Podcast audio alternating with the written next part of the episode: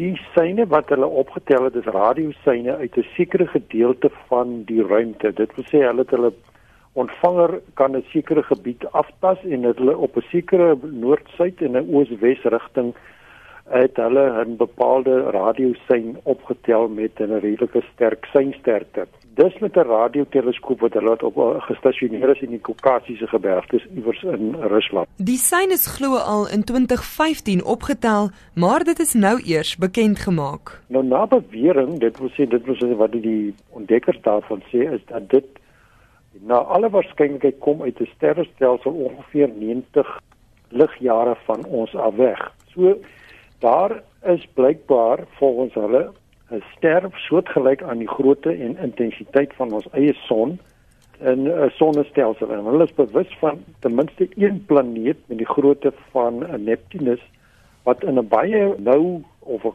sterk wentelbaan om die son gerig is. Wat dus eintlik omdat die wentelbaan so naby aan daai spesifieke ster is dit die moontlikheid van lewe eintlik alweer lê want op daai afstand is lewe nie moontlik nie want die stralingsvlakke en ook die temperatuur gaan die bestaan van water en kondisies vir die voortstaat bestaan van lewe eintlik onmoontlik maak. Dog hou die russe vol dat daar iewers in die sonnestelsel dalk 'n ander planeet kan wees van waar die spesifieke radiosein kom. Kotse sê 'n bousteen van wetenskaplike navorsing is herhaalbaarheid in metings en tot dusver skiet die navorsing tekort.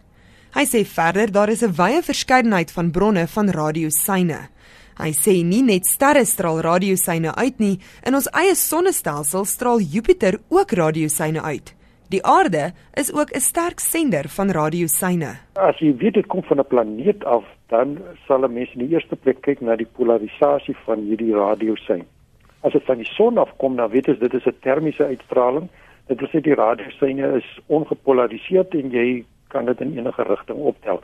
Maar as dit 'n spesifieke gefokusde rigting uitkom, dan weet jy dit moet van een of ander planeet afkom of van 'n ster wat ons noem 'n neutronster. Dit die is bepaalde uitsenders van radiosyne. So ek is redelik skepties om te sê dat dit van 'n uh, buiteruimtelike of intelligente bron afkomstig is gegee die feite en die uh, data wat op hierdie stadium tot ons beskikking is. Hy vermoed dat die spesifieke radiosein afkomstig is van 'n ster of magneetveld om 'n planeet. Hy dink nie dit is 'n mensgemaakte sein nie, maar eerder 'n sein wat kom uit die versnelling van elektrone in 'n baie sterk magneetveld.